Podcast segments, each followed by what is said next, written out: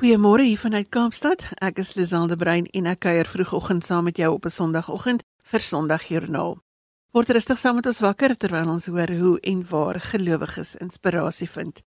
Dit is die eerste Sondag van Desember, so daar is nog net 19 slaapies oor voor Kersfees, 2 weke en 5 dae om presies te wees.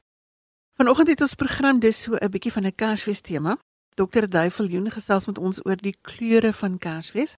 Dominee Antoinette Wilson van Leidenburg deel 'n paar idees van hoe om kinders nog opgewonde te kry oor Kersfees en Domineels van Tonder gesels met ons oor Bethlehem.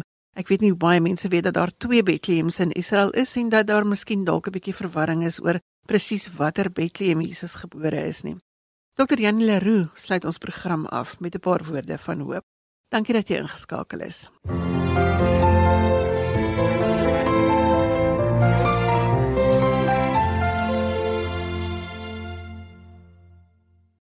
Dr. Duivel Jonas van die NG gemeente Kenridge en so elke nou en dan kan ek met 'n vreemde versoek by hom aanklop vir 'n storie. Ons gesels vanoggend oor Kersfees, die simboliek en die kleure en watter rol dit in hierdie tyd speel. Goeiemôre Duif.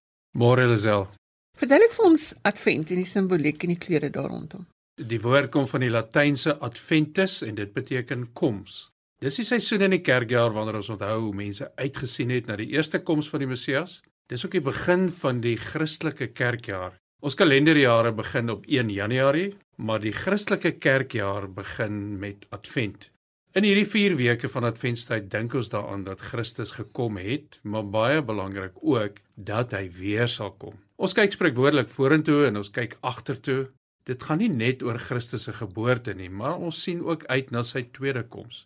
Dis 'n tyd waar ons oefen om soos Christus te wees as hy ons verras met sy tweede koms en om elke dag in te wag. In die 4de eeu al was daar in Spanje en in Frankryk sulke liturgieë om die kerk voor te berei vir Kersfees, maar in Rome eers self van die 6de eeu af. En dit was ook maar net een enkele dag van vas om voor te berei vir Kersfees. Nou hierso min of meer in die 7de eeu, begin van die 7de eeu, het Paus Gregorius die Grote bepaal dat adventtyd langer moet wees en dat dit 4 weke moet wees en dis vandag nog 4 weke. En van 12 al was die tema vir adventtyd die tweede koms van Jesus. En tot omtrent so in die 12de eeu was dit die tyd wat wit klere gedra is en natuurlik Gloria in excelsis Deo gesing is. As ons na kerk toe gaan in hierdie tyd dan is daar altyd 'n adventskrans met kersse en die kersse is verskillende kleure. Ja. Wat is die simboliek daar agter? Die kern van die adventskrans is 'n sirkel met groen loof, 'n Christuskers in die middel en vier adventskranse op die sirkel.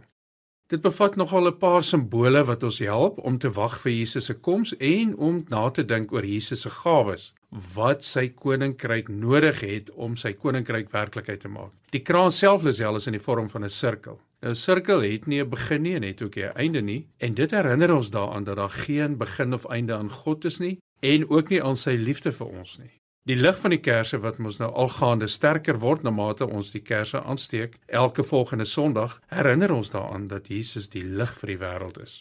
Nou op elke Adventsondag word 'n volgende kers aangesteek totdat al vier op die 4de Adventsondag brand.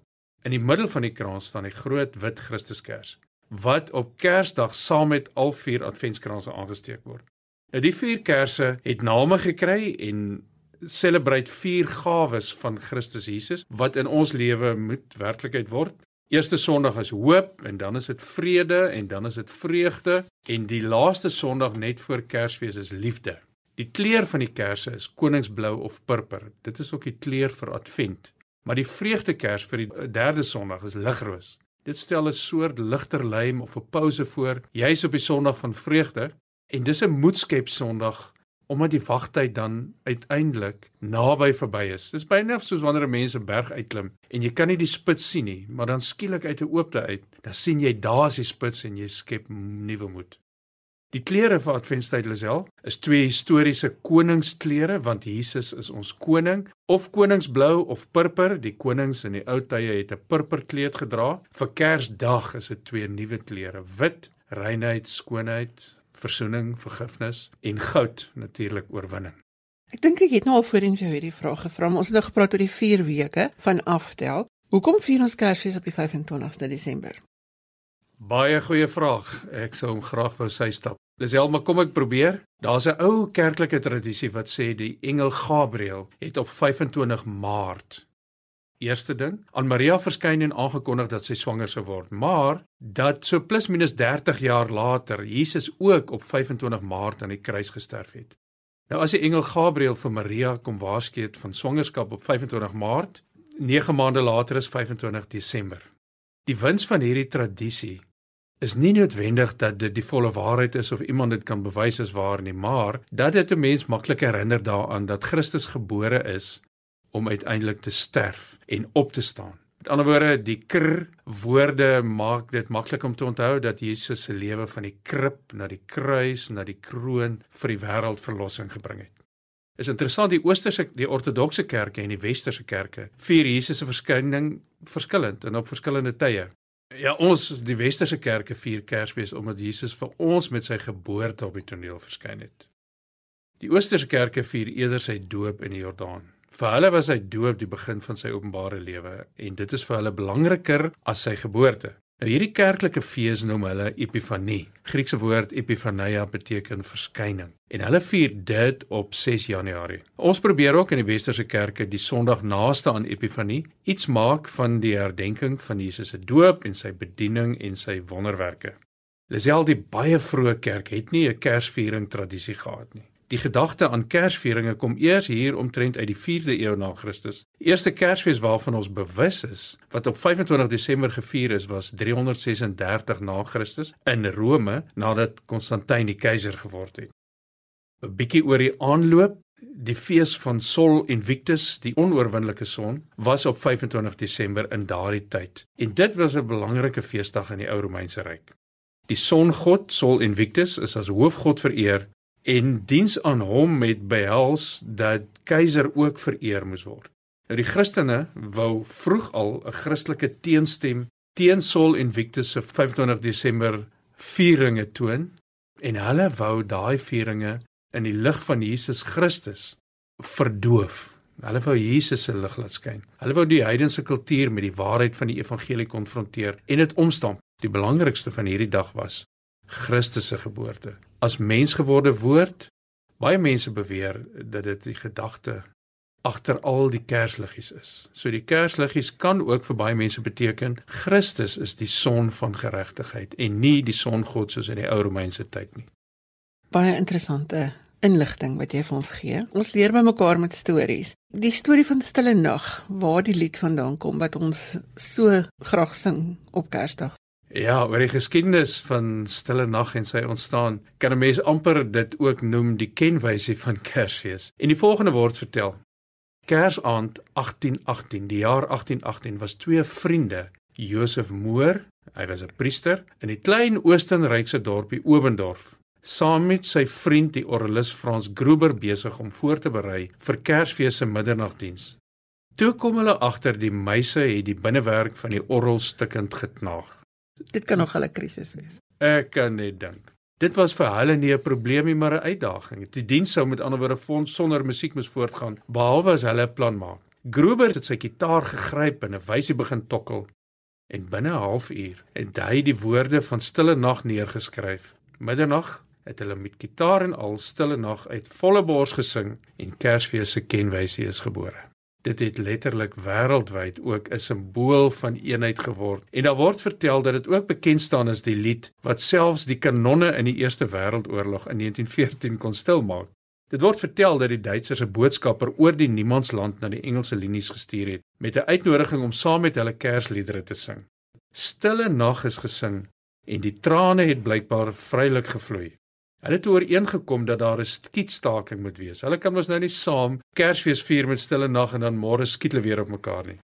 Die skietstaking sou 7 dae wees en aan die einde van die 7 dae word vertel het die Duitsers 'n boodskapper gestuur met die boodskap dat die geveg nou moes voortgaan, maar hulle sal hulle eerste kanonne as prins ver miskiet. En blykbaar het die Britse bevelvoerder glo die Duitse boodskapper met 'n doos Engelse sjokolade terug na sy linies toe gestuur. En dis eintlik 'n baie baie mooi storie en dit gaan 'n bietjie verder as net die lied oor die vrede waaroor die engele gesing het. Kom ons hoop hierdie jaar wanneer ons stille nag sing, bring dit ook 'n vrede en 'n stilte in die oorlog wat tans hier rondom ons woed. Dr. Duiveljoen is van die Kenridge gemeente, ons gesels oor die simboliek en die kleure van Kersfees. Duif baie dankie. Plesier Lisel, dit was lekker, baie dankie. Jy luister na RSG en die program is Sondagjoernaal saam met my Lisel de Bruin. Ons gesels geloof en godsdiens hier op RSG 100 tot 104 FM en ons hoor ook graag van jou, so jy kan vir ons SMS by 45889 teen R1.50 per SMS.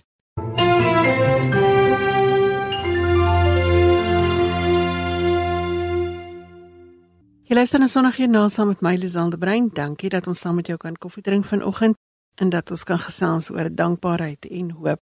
En dit bring my by my volgende kuiergas, Dominee Antoinette Wilson van Leidenburg. Ons gesels oor hoe die boodskap van Kersfees aan kinders en tieners oorgedra kan word, sodat die ware betekenis van die tyd vir hulle ook 'n werklikheid bly. Môre Antoinette. Goeiemôre. Dit is altyd lekker om met julle te gesels.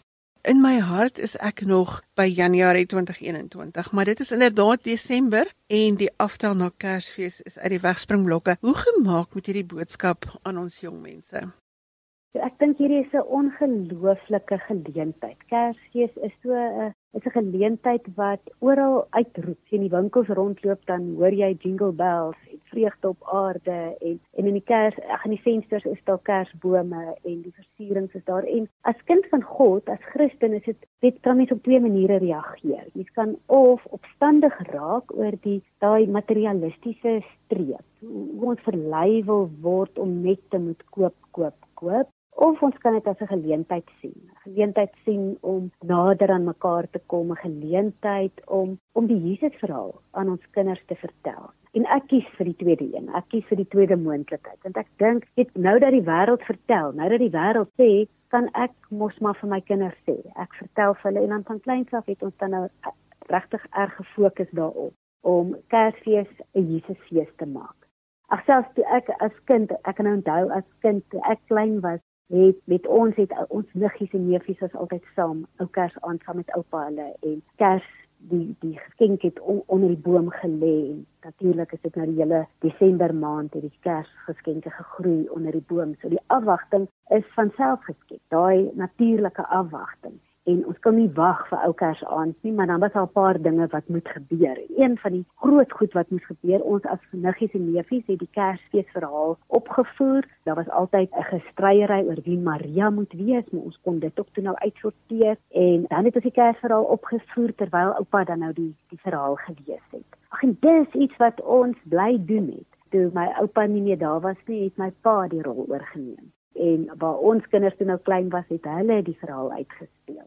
So ek dink dis een van die van die maniere, die natuurlikste manier die, om Kersfees die Jesusfees te maak. Om seker te maak jy sentreer regtig vir Jesus. Ag iets anderste wat ek toe nou later gedoen het toe ons kinders klein was, die Johannes Evangelie praat praat Jesus uit klomp ek is uitsprake. En as hy sê ek is, dan gebruik hy eintlik die godsnaam. Hy is God en dis hoekom die mense so ontstel was wanneer Jesus gepraat het. Maar hy sê ek is die lig vir die wêreld. Ek is die brood. Ek is die ek is die water. Ek is die lewende water. Ek is die goeie herder. So ons het dan toe nou intentioneel Kersfeesversierings gemaak wat ehm, 'n um, broodjie was ons het 'n liggies gemaak. Ag, jy jy hoef nie eers liggies te maak nie, jy kan sommer net liggies gaan koop en dit aan die boom hang en dan vier ons die feit dat Jesus die lig vir die wêreld is. Ag, en dis natuurlik ook 'n lekker gespreksgeleentheid as mense kom kuier en sê maar julle het vreemde kersvers kersversiering en dan vertel ons vir hulle, maar dit is waaroor dit gaan. Dit gaan oor wie Jesus is. Jy het ons 'n bietjie gepraat oor die oor die waarde van die Kersfees tradisies. Kan 'n mens dit genoeg onderstreep hierdie waarde van tradisies want dit is mos nou die die tyd waarin verhoudings gebou moet word. O ja, dis les. Ag Kersfees is dan die tyd wat Jesus, wat God is, mens geword het en tussen ons kom woon het. Hy het dink dit is dis die hoogtepunt daarvan dat hy ons kom wys het maar hy kies dit om mens te word, gewone mens, 'n baba te wees. Hy wil in verhouding ons tree. En daarom dink ek moet ons dan Kersfees dan gebruik ook om in om nader aan mekaar en aan en aan God te kom. Dit ons kan verlei word om om dopamien na te jag. Dopamien is daardie hormoon wat afgeskei word wanneer ons kitsvreugde beleef. So Kersfees kan baie maklik net so, ag dit gaan oor die geskenke en dit gaan oor die eet en dit gaan oor die kuier en dit gaan oor dit oor daai dinge, maar en dit het natuurlik baie spanning. Dit ons beleef baie spanning rondom daai daai kits dit's geluk eintlik want ons moet kos maak en ons moet mense nooi en ons moet partytjies hou en ons moet um, en dan is daar baie spanning daaroor maar waarna ek streef is dat ons moet kies vir diep verhoudings bou rondom hierdie tyd. Om vir mekaar intentioneel geskenkies te kry of te maak of briefies te skryf waarin vir ons waar ons mekaar kan sê maar waarom gee ek vir jou om? 'n klein geskenkies te te gee maar geskenkies waaroor ons dink om dit vir mekaar te gee, om om verhoudings dan die middelpunt te plaas van ons kuier, om bietjie stil te gaan staan en asem te haal en en sommer net tyd vir mekaar te gee. En ek dink die groot uitdaging is dan nou die kos, nê, nee, die die kos wat ons moet maak en baie tyd wat ons dan spandeer. En ons plan en ons familie het ons planne gemaak om om seker te maak dat dit vir geen iemand te veel spanning gee nie. So ons het dit uitgedeel elke gesin bring 'n koue vleis en 'n slaai. Iemand dek die tafels. Ag, maar ons probeer baie hard dat dit nie spanning op een persoon los nie. My my tannie hulle woon op 'n plaas en sy het se tyd terug het sy besluit mense wat alleen is in Kerstyd, mense van wie hulle bewus is wat alleen is, wie se kinders oor see is, wie um, dalk iemand aan die dood afgestaan het in die jaar wat verby is of wat hulle net weet wat nie ander mense het nie die mense word saamgenooi Kersfees. En ons bly nou naby aan hulle. So ons het ons het ingeval by hulle by hulle idee. Ek dink hulle is half jammer hulle het vir ons vertel want ons doen dit met oorgawe. Ons nooi mense saam om sommer maar net saam met ons te wees. Maar elke jaar is dit net so lekker om daar onder die bome te sit en te kuier en mekaar se stories te hoor en bly te kan wees oor oor wat Jesus vir ons gedoen het. Die feit dat hy dit vir ons moontlik gemaak het om in verhouding met mekaar te kan wees. Jy het nou sommer begin daar met een ding waarvoor jy dankbaar is. Sê vir ons, wat kan ons doen en dankbaar dit voel my asof hierdie verhoudings met ons kinders heel jaar gebou moet word. Nee, dis nie jy kan nie verwag om nou gou met Kersfees hier net die dinge aan die gang te sit. Waarvoor is jy dankbaar? O, ek is baie dankbaar vir verhoudings. Ek is dankbaar dat ek in verhouding kan wees met God en dat ek verhoudings kan hê met met mense om my. Maar ek het ook spesifiek gedink daaraan dat ek hierdie jaar wil binnekant toe kyk vir my dankbaarheid. Want niks wat gebeur nie, nê? Niks wat gebeur in hierdie lewe kan my keuse hoe ek reageer op dit wat gebeur van my af wegneem nie. Die spreuke sê mos wees veral versigtig met wat in jou hart omgaan want dit bepaal jou hele lewe. So dat ek kan kies om my lewe te kan beleef as genade dat ek dankbaar kan wees oor die sewe stukkies snytjies brood. Dat ek dankbaar kan wees oor die glimlag van van my kind. Dat ek ag dit is 'n gawe. Dit is nie iets wat uit myself uitkom nie. So ek dink die eerste ding is net om binnekant te kyk te besef ek kan dankbaar wees vir vir die lewe. Die feit dat niks maar niks maar niks my van Jesus se liefde kan skei nie. Dat wanneer daar 'n krisis is ryk mense onmiddellik uit het ons het nou baie skade gehad in ons dakke en die kerk se dakke en dit was 'n uur na die storm. Toe bel mense ons en hulle vra maar kan hulle help? Hoe kan hulle help? En hoe gaan dit met ons? En daar's boodskappe op sosiale media wat uitreik na mekaar toe. So ek dink daai daai deernis wat mense het vir mekaar. En veral in hierdie tyd is dit iets waaroor ek baie baie dankbaar is. Wat gee vir jou hoop en hoe draai jy dit aan die gemeenskap oor? As ek dink aan hoop, dan dink ek onmiddellik aan Romeine 8 daai laaste vers in Romeine 8 waar Paulus sê geen lewe, geen dood, geen lyding of benoudheid, honger, naaktheid, swaard, engele, toekomstige magte, teenwoordige magte, niks, maar niks kan my skei van God se liefde nie. En dit, gee my hoop. Dit gee my hoop dat ek weet niks kan my skei van sy liefde nie. Ons maak nie saak wat met ons gebeur nie. En ons is kan so maklik in valse hoop verval dat ons dink dat die dak oor ons kop vir ons hoop gee. Die dak, die feit dat ons dinge het vir ons hoop kan gee. Die feit dat ek versekerings het vir my hoop gee. Maar die die bottom line, die die finale sê, is die feit dat ons nie geskei kan word van God se liefde nie. Ek het al iets vorige keer het jy met my gesels en, en ek het jy het my gevra oor waaroor is ek dankbaar en toe het ek gesê oor asem en gesondheid en daardie middag het ons gehoor dat 'n vriendin van ons dood is toe nou aan aan COVID. Maar ehm um, sy was alleen in die hospitaal. Maar die verpleegpersoneel het vertel hoe hoe rustig, hoe absoluut rustig sy was die laaste 2 dae van haar lewe. En ek glo so sy was ook in daardie tyd, selfs al was haar man en haar kinders nie by haar nie, was sy bewus van God se liefde, van sy nabyheid. En dit gee my hoop, die wete dat niks maar niks ons kan skei van sy liefde nie. Ag en hoe ons dit uitdra in die gemeenskap as ons vertel dit, ons sê dit. Ons probeer dat ons liefde aksie word. Dit omdat ons weet ons het reeds alles, alles wat ons het is genade. Niks kan van my weggevat word wat reg tel nie. Kan ek gee?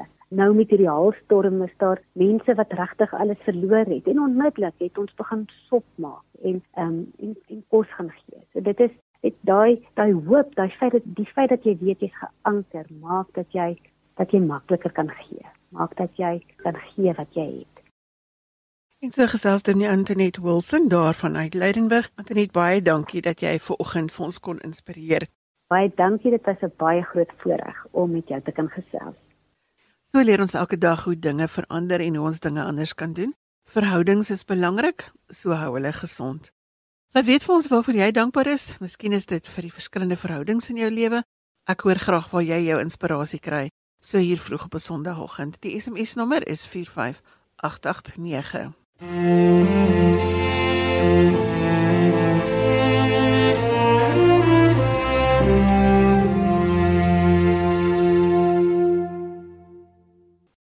Dominiels van Tonder het in Ou Testamentiese wetenskap en in Semitiese tale gespesialiseer. Hy woon deesdae in Warmbad, maar ons gesels vanoggend oor 'n ander dorp. Dis nou die dorp Bethlehem waar Jesus gebore is. Goeiemôre Niels.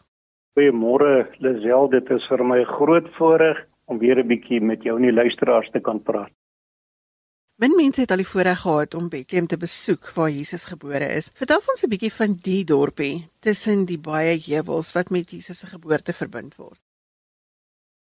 Baie min mense weet dit dalk, maar gedurende die Bybelse tyd was daar twee dorpies met die naam Bethlehem. Die naam Bethlehem beteken as 'n mens dit nou direk gaan vertaal, huis van brood. Rondweg die Bethlehems wat in die Bybelse tyd bestaan het, was in landelike gebiede waar boerdery die kern van die gemeenskap se bestaan gevorm het. Die een Bethlehem was in Galilea geleë, net so wat 7 km van Nasaret af. Die ander Bethlehem was in Judea, presies 8 km suid van Jerusalem af. Met ander woorde, die Bethlehem wat in Judea geleë is, is so wat 150 km van Nasaret af aangelê. Die verskil is nogal baie belangrik. Daar is geleerdes wat van mening is dat die Bethlehem waar Jesus gebore is, eerder die een in Galilea moet wees as die in Judea. Daar is drie argumente wat hulle aanvoer vir hierdie standpunt. Die eerste is dat hulle beweer dat daar baie min argeologiese bewyse bestaan dat Bethlehem in Judea in die tyd van Jesus se geboorte bewoon was. Die aanduiding is eerder dat daardie omgewing tussen die 1ste eeu voor Christus en die 1ste eeu na Christus nie bewoon was nie. Daarenteen bestaan daar baie sterk argeologiese bewyse dat die Bethlehem in Galilea deur Joodse groepe bewoon was. Een van die baie groot argeologiese vaders, William Albright, het 'n baie intensiewe ondersoek gedoen en navorsing gedoen op Bethlehem, in besonder die Bethlehem in Judea en hy het gevind dat daar wel soveel as 300 mense gewoon het en dit beteken dat hoogstens 6 tot 7 kinders onder die ouderdom van 1 jaar oud kon gewees het.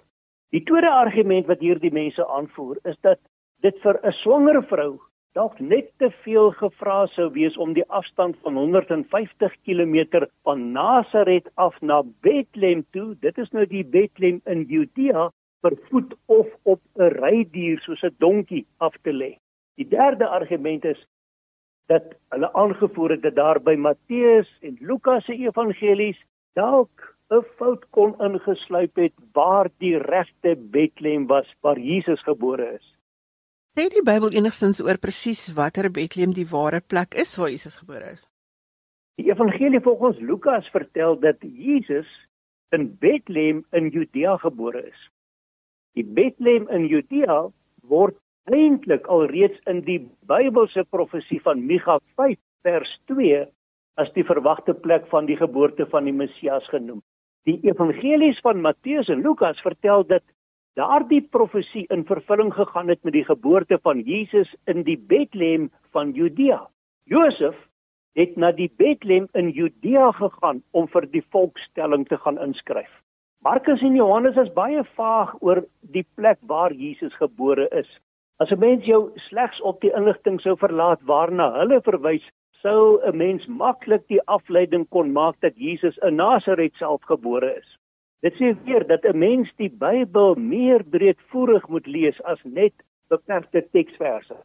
Nadat die Romeine Judea in 6 voor Christus ingeneem en as Romeinse provinsie verklaar het, het keiser Augustus opdrag gegee dat 'n volkstelling in die hele Romeinse ryk en al sy provinsies gehou moes word. Die saak het so gewerk. Almal moes vir die sensus registreer. Vir die proses moes elkeen na sy eie stad gaan om getel te word. Josef het tot die geslag van Dawid behoort wat beteken het dat hy in Bethlehem, die stad van Dawid, moes gaan registreer om getel te word. Maria het met hom saamgegaan om ingeskryf te word volgens Lukas 2 vers 1 tot 5. Nou bestaan die indruk dat Josef en Maria dalk alreeds in Bethlehem van Judea was toe Maria met Jesus swanger geraak het. Hoe lank Josef en Maria in Bethlehem gebly het, kan nie met sekerheid bepaal word nie. Die vermoede bestaan dat hulle ongeveer 2 jaar daar gewoon het voordat die nuus van haar swangerskap en die geboorte van Jesus bekend geword het. Niels, dis nou 'n hele klomp feite oor die twee Bethlehems. Hoe moet gelowiges nou regtig weet wat die regte geboorteplek van Jesus is? Die geboorteplek van Jesus word ongelukkig tans deur politieke en kommersiële faktore beheer. Die Bethlehem van Judea word tans deur die Palestynë beheer in die Wesbankgebied. Terwyl van kommersiële doeleindes is daar tans Joodse groepe wat probeer om die plek van Jesus se geboorte in die Bethlehem van Galilea te probeer bewys. Die skrif is egter baie duidelik hieroor. Volgens die verhaal wat in die evangelies geskryf staan, bestaan daar geen twyfel oor waar Jesus gebore is nie. Volgens die profesie in Micha en die evangeliese beskrywing van die vervulling daarvan, maak die boodskap dit duidelik dat die regte Bethlehem in Judea geleë is en nie in Galilea nie. Inteendeel, daar bestaan geen argeologiese of selfs literêre tradisies wat die opinie steun dat Jesus in die Bethlehem van Galilea gebore is nie. Die woord van die Here kan nie sommer volgens indrukke en opinies verander word nie. Veral nie wanneer die saak vermoedelik oor kommersiële munt gaan nie. En so gesels Dominiels van Tonder. Hy het in Ou Testamentiese wetenskap en in Semitiese tale gespesialiseer en hy kom loer elke nou en dan by ons in om so 'n bietjie interessante feite te deel rondom die tyd van die jaar waarin ons is. Niels, baie dankie vir die saamgesels vanoggend. Baie dankie Lisel. Dit was vir my regtig weer 'n groot voorreg om so 'n bietjie saam te kan praat. Jy is ingeskakel op Sondagjoernaal en ons gesels met mense oor hulle belewenis van godsdiens en geloof. Dis weer tyd vir musiek. Hier is die Stellenbosch Universiteit skoor met Somerkersfees.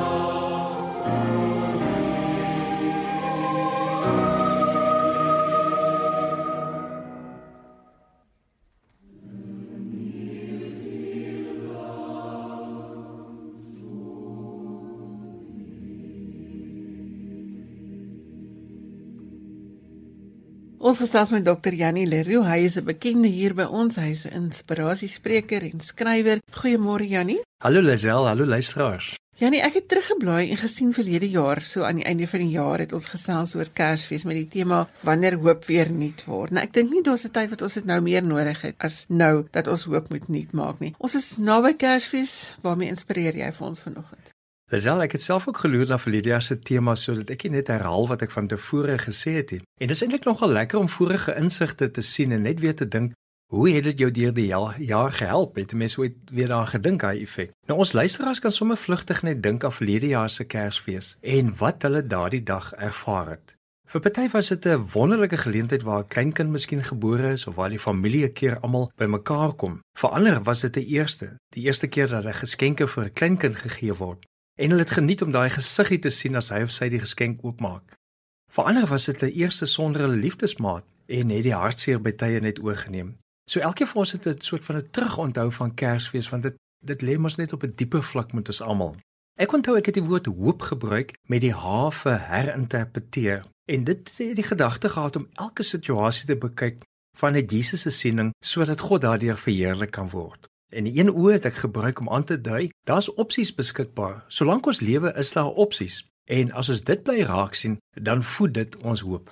Met die ander oë het ek aangedui dat ons moet ontdek As ons die lewe hanteer as 'n ontdekkingstog, dan ontwikkel ons 'n groeimentaliteit wat ons help om veerkragtig te lewe. Engels woord resilience met hoop te lewe, daardie resilience op te tel. En dan die P het prioriteite aangedui. Nou die pandemie en die seer en die lyding wat so baie mense beleef het en nog steeds beleef, het ons opnuut gekonfronteer met wat is ons werklike prioriteite? En aan die ander kant, wat is Jesus se prioriteite? sodat Kersfees ons weer herinner om ons prioriteite te belyn met Jesus en dan. So vanoggend wil ek die tema gebruik: kies hoop. Ek is baie bly jy het daarop gefokus want ek wil vir jou sê uit al die SMS'e en kommunikasie met luisteraars en mense rondom my, ek het nie gedink dit kan meer word nie, maar dit voel vir my net ons moet absoluut hierdie boodskap van hoop versprei. So waarmee stuur jy ons die week in? Om perspektief te gee en daarom aan te moedig dat elke weer hoop kies. Kom ons dink net aan 'n oomblik aan die wêreld van hooploosheid. Ek wil nie hopeloos sê, ek wil jy sê woord hooploosheid gebruik. Sê nou maar jy het ver oggend opgestaan en jou gesig gewas, maar die water is vuil. Dan sou jy een van 884 miljoen mense wees wat nie toegang het tot skoon water nie. En een van 785 miljoen mense wat nie eens die basiese watervoorsieningsdienste het nie. Sê nou maar ver oggend wou jy kerk toe gaan en nou mense kan mos daarom nou al deesdae 'n bietjie meer soontoe gaan maar jou kind is aan die sterf van honger, dan sou jou kind deel wees van die ontstellende statistieke dat elke 5 sekondes 'n kind onder 15 jarige ouderdom in hierdie wêreld sterf van honger. Meer as 6 miljoen kinders sterf jaarliks voor hulle 15de verjaarsdag. Dis nou net in ons land hier is nou wêreldwyd. Sê nou maar jy kom in die kerk, maar jy kan nie lees wat op die skerm of op papier staan nie. Sou jy een wees van 759 miljoen volwassenes wat ongeletterd is? Daar's wêreldwyd meer as 72 miljoen kinders van primêre skool ouderdom wat nie in die skool is nie, juis as gevolg van armoede en daai tipe situasies. Maar jy's te skaam om vanoggend kerk toe te kom, want daar was nie vanoggend miskien water by jou plek nie en die toilette werk nie. En dan sou jy deel wees van 25% van die wêreld se bevolking. Met ander woorde meer as 2 miljard of soos mense ook praat van biljoen mense wat nie eens basiese sanitasie het nie. Nou hoekom noem ek hierdie hooploosheid wêreld? Want die statistiek help ons onthou Jesus se mense was nie bevoorregtes nie. Ek praat nou van finansiëel en andersins nie. Navorsing het opgrawings en ontleding van beenderre wys dat die nie bevoorregtes in Jesus se tyd 'n tekort aan yster en proteïene gehad het. Die meeste het ernstige artritis gehad. 'n Griep of selfs 'n erg verkoue en selfs 'n tandabses kon jou dood beteken. So die gewone lewensverwagting in mense in Jesus se tyd was maar iets in die 30. En een van die stresfaktore van die mense van Jesus se tyd was, wel, ek dink is nog steeds 'n stresfaktor, was belasting. Die tiende wat hulle aan die tempel moes gee was een deel, die belasting aan die keiser van Rome was 'n ander, en dan ook nog die belasting aan die plaaslike owerheid in diens van daardie Romeinse owerheid. En in daardie tyd se geval was dit juis aan Herodes. Nou deel van diegene wat nie seggenskap het nie, is dat hulle nie toegang het tot al die geleenthede nie want die geleenthede was vir die mense wat die Romeinse ryk vereer het en die keiser aanbid het. So Jesus se mense het geleef in die wêreld van hooploosheid. Jy werk heeltyd in 'n oorlewingsstryd en jy gaan slaap sonder hoop en jy staan op sonder hoop. Hooploosheid is 'n teleurstelling wat in jou groei omdat jy begin dink niks is meer moontlik nie. Maar nou, en dis die goeie nuus. In hierdie wêreld van hooploosheid waarin God 'n boodskapper stuur en die woord engel beteken boodskapper, angelos in Grieks. Die boodskapper of engel Gabriël kom verskyn in die wêreld van hooploosheid. En dan lees ons in Lukas 1:26. In die 6ste maand van Elisabet se swangerskap het God die engel Gabriël gestuur na Maagde Nasaret, 'n dorp in Galilea. God stuur nou hier sy boodskapper om hoop te bring in hierdie wêreld van hooploosheid. God stuur 'n engel na 'n spesifieke plek op 'n spesifieke tyd en God stuur die engel na 'n spesifieke persoon, Maria. In 'n wêreld van hooploosheid waar daar geen goeie sekerhede is nie, waar teleurstelling alledaags is, kom gee God dan nou hierdie sekerheid van goddelike hoop. Goddelike hoop is eintlik alwaarop hooploses kan reken. Want vir hooploses voel niks meer moontlik nie. Maar nou gebeur die menslike onmoontlike. Engel word deur God gestuur tussen die teleurstelling van hooploosheid in. Die statistiek is nou nogal oorweldigend wat jy gegee het, maar ek is nou nie seker of jy my misverstaan het vanoggend nie. Ons wil hoop gee en nie hooploosheid verkondig nie. Hoe gaan ons hierdie twee bymekaar bring? Ek wil jy's een kontrasteer teenoor die ander. So kom ons gesels oor die wêreld van hoop. In die Grieks staan in Lukas 1 vers 28: Ek groet jou, begenadigde. Nou Maria is klaar genade gegee. Sy het klaar deur God raak gesien vir glorie. Dis iets wat nog moet gebeur nie. Die tydsaanduiding van die Grieks sê sy het klaar genade ontvang. So al kom sy uit die arme mense uit die agtergeblewe gemeenskap en as ongetroude vrou uit die laagste stand in die samelewing van destyds, oorweldig God vir Maria met genade. So wat ons moet raak sien is dat geen mens te gering is vir God se genade nie. God het mense lief. Geen mens hoef eers 'n bepaalde status of 'n bepaalde posisie of populariteit of sekere produktiwiteit te hê om God se liefde te verdien nie. God sien jou raak en begenadig jou reeds. God werk met hooploses ook. God werk juis met en deur hooploses. Nou volgens menslike standaarde mag sy of jy dalk nie geskik wees nie maar volgens God se standaarde is jy wel gekies. Van Maria word gesê sy sal swanger word en die seun wat gebore word, moet sy die naam Jesus gee. Yeshua in Grieks Jesus of Jesus is die naam wat beteken God verlos. God red met ander woorde. Nou Maria is op hierdie oomblik minder gepla dat hierdie seun die seun van die Allerhoogste genoem sal word en die troon van sy voorvader Dawid sal kry.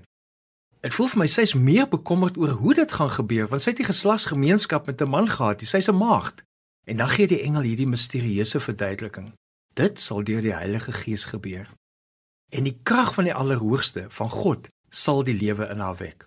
En nou hoor ons hierdie fantastiese hoopvolle belofte in Lukas 1:37. Niks is vir God onmoontlik nie. Per implikasie Maria, die hoe is nie so belangrik nie, want niks is vir God onmoontlik nie. Maria, wat gaan gebeur is belangrik, want niks is vir God onmoontlik nie. Maria, dat hier 'n goddelike wonder van hoop gaan gebeur, is belangrik, want niks is vir God onmoontlik nie. So dikwels wil ek en jy in 'n moeilike situasie weet, hoe gaan God dit regkry? Maar niks is vir God onmoontlik nie. So dikwels bid ons in ons gebede, hoe ons dink God dit moet regkry en ons vergeet, niks is vir God onmoontlik nie. Hoe kan dit wees dat daar weer lig gaan kom na die duisternis van depressie wat oor iemand se lewe hang. Hoe kan dit wees dat iemand weer finansiëel gesond gaan wees na hy of sy hulle werk verloor het? Hoe kan dit wees dat daar weer lag in jou binneste sal leef as die dood jou gesin getref het? Moenie bang wees nie. Die argument hier is niks is vir God onmoontlik nie. Die hart van hoop is nie die hoe nie. Die hart van hoop is om te glo dat God dinge sal beter maak en kan beter maak omdat niks vir God onmoontlik is nie. Die hart van hoop is dat God reeds genade gee en besluit het om genade te gee in elkeen se situasie. Hoop verstaan, God ontmoet jou waar jy is en verander alles vorentoe. Hoop beteken ons is begenadigdes want niks is vir God onmoontlik nie. Ja nee, dit voel vir my al ons word so vasgevang in ons situasie dat ons vergeet dat niks vir God onmoontlik is nie. So kom ons vat saam. Ons tema vandag is kies hoop. Wat moet ons van ons kant af doen? Dis wat Maria gedoen het. In lees in Lukas 1:38, hou maar by daai gedeelte. Sy sê: "Ek is tot beskikking van die Here. Laat met my gebeur wat U gesê het." Nou sy vra nie iemand se toestemming daarvoor nie. Dis haar eie besluit. Dis haar risiko om God te vertrou. Hoop is om seker te wees van God. Gou staaltjie vertel. Ek onthou jare gelede het ek deur een van die voorstede in die Kaap gery, verby informele behuising opset. En net aan die ander kant dit was hoopvullis wat die mense self probeer verbrand het. En so tussen hierdie halfverbrande vullis het 'n halfverbrande boom gestaan en teen die boom was 'n plakkaat besmeer met die roet van daardie branderigheid. En die prent in daardie plakkaat was 'n afbeelding van Jesus Christus. En ek sal nooit vergeet die woorde op die plakkaat was Jesus is coming. So tussen die gemors en die ellende van die wêreld deur herinner Kersfees soos daai plakkaat. God het nie opgegee nie. God nooi jou om te kies om ja te sê vir hoop. So sê ja vir die kind wat gebore is. Baie dankie Jannie. Ek is opgewonde om hierdie Kerstyd ook hoop te kan kies omdat ek vir Jesus kies. Niks is vir God onmoontlik nie. Dr. Jannie Leroux los woorde van inspirasie oral waar hy gaan. Hy het ook 'n blog. Jy kan hom kry by www.inspirasieguru.com en jy spel daai guru G U R O U X. Jy kan hom ook e-pos. Sy e-posadres is jannie by Inspire Guru. Dis die Engels Inspire en Guru weer G U R O U X.com. Dankie Jannie dat jy vanoggend ons gekuier het. Groot voorreg. En daarmee het dit tyd geword vir ons om te groet. Volgende Sondag is ek weer hier op dieselfde tyd met nuwe stories uit die wêreld van geloof en godsdiens. Jy kan gerus my 'n e e-pos stuur as jy jou storie met ons wil deel. Die adres is lizel@wwmedia.co.za. My gaste vanoggend was Dr. Dave Viljoen. Ons het gesels oor die kleure van Kersfees. Dominee Antoinette Wilson het 'n bietjie gesels oor gesin en kinders. Dominee van Tonder het gesels oor die verskillende Bethlehems wat daar in Israel is en Dr. Janie Leroux het afgesluit met woorde van hoop. Ek hoop jy het heerlik saam met ons gekuier en onthou, ons is volgende Sondag weer hier. Tot dan, totsiens.